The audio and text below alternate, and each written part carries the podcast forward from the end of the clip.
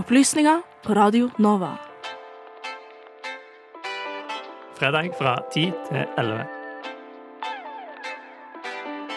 Aldri redd, alltid balansert. Kjempebalansert.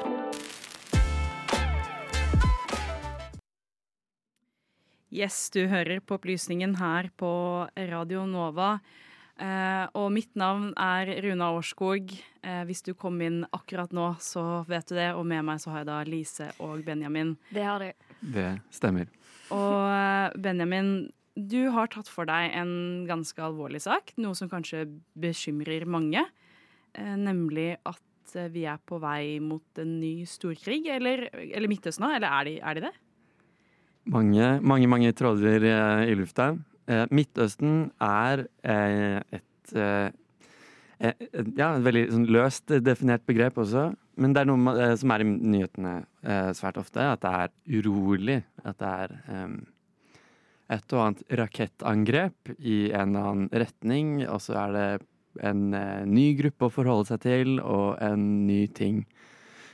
altså det det skulle ha oversikt skulle, og danne et sånt eh, sånn eh, wow, eh, dypt em, og forståelig og eh, liksom ja.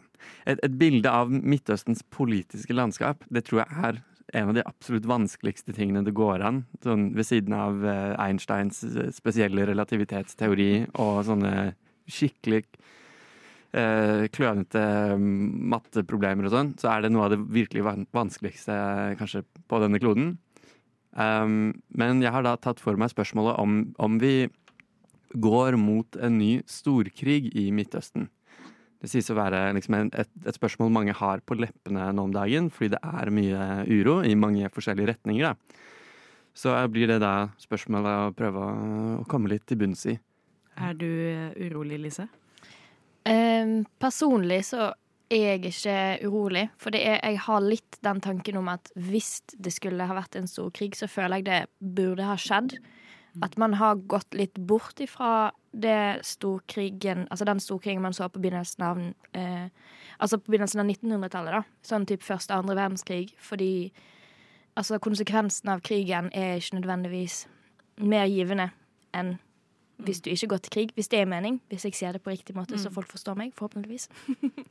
Det beroliger i hvert fall meg at uh, du ikke er så bekymra, for jeg kjenner at her jeg sitter, så jeg syns det er litt skummelt uh, hvilken vei vi går. Men uh, da skal vi få høre Benjamin sin analyse av dette, og kanskje den kan være med å berolige, eller være ikke beroligende. Vi får se, da.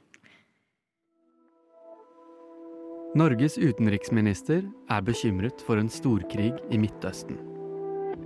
Det var med disse ordene NRKs utenriksredaktør valgte å åpne sin kommentar, datert den 12. januar 2024. Siden den gang, på bare litt under to uker, har flere konfliktsoner rukket å bli enda litt varmere. I Irans grenseland har Hamenei-regimet utført nye rakettangrep. I vest på byen Erbil i det irakiske Kurdistan, og i øst mot sin andre nabo, et rakettangrep inne på pakistansk territorium. I Rødehavet utenfor Jemen foregår Operation Prosperity Guardian. En rakettutveksling mellom den iranstøttede Houthi-militsen og en internasjonal koalisjon ledet av USA. En kamp for kontroll over den maritime trafikken rundt den trange Adenbukta. Og angivelig er det Israel som står bak et rakettangrep på en bygning i Syrias hovedstad Damaskus, der det er bekreftet at fem iranske militære er drept. Slik ser det altså ut denne januaruken i 2024. Og avhengig av hvem du spør, får du litt ulike forklaringer på hva dette er for noe. Vi er trolig vitne til regionale spillover-effekter av krigen som foregår på Gazastripen, mellom Israel og Hamas. Fra Libanons territorium er det fortsatt knyttet stor spenning i om Hezbollah vil gjøre alvor av truslene de har kommet med om å invadere Israels nord.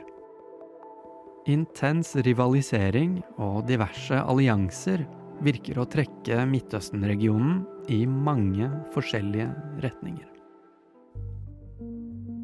I statsvitenskapen og militærteoriens verden har vi et ofte sitert ordtak fra Carl von Clausewitz om at krig er politikkens fortsettelse med andre midler. Og selv om du mangler en fullstendig oversikt over Midtøstens politiske landskap, så kan du tenke på to helt enkle ting. For å ville gå til et angrep, for å ta den beslutningen, kan det enten være at landet ser en såkalt gyllen mulighet til å gi fienden et preventivt nederlag, eller på den helt andre siden at det nåværende regimet i et land føler seg så truet at de går til angrep. Jo, Midtøsten som region er mer preget av væpnet konflikt enn andre steder på kloden. Vennlige naboer man kommer godt overens med, ja, det er mangelvare.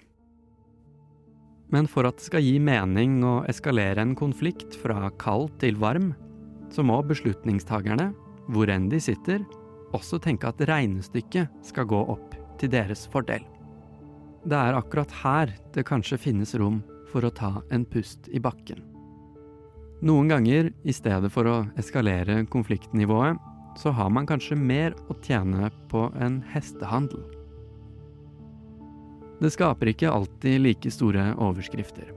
Men det foregår veldig mye diplomati, forhandlinger og samtaler på bakrommet for å roe ned det generelle spenningsnivået i Midtøsten. Det som trengs da, er hypotetiske fremtidsvisjoner. Og det er mange, ofte litt usynlige mennesker, som har akkurat dette som jobb. Et avtaleforslag fremmet av USA og Saudi-Arabia kan innebære en stans i krigføringen i Gaza. I bytte mot at Israel forplikter seg til en konkret plan for å godkjenne en palestinsk stat, så blir hestehandelen i så fall at Saudi-Arabia skal anerkjenne Israels eksistens. Det følger i så fall et mønster, der flere arabiske land over tid har myknet i tonen og godtar, enn motvillig, at staten Israel har kommet for å bli. Utfordringene med akkurat denne avtalen er store. Diplomati er alltid en hårfin balansegang, og man kommer ikke alltid i mål der man ønsker. I en tid der USA har en mye lavere tilstedeværelse i Midtøsten enn før, så skal målet være å opprette en slags alliansestruktur som motvekt til Iran og iranskstøttede styrker. For Washington og andre så fortsetter det nå en søken etter likesinnede sikkerhetspartnere.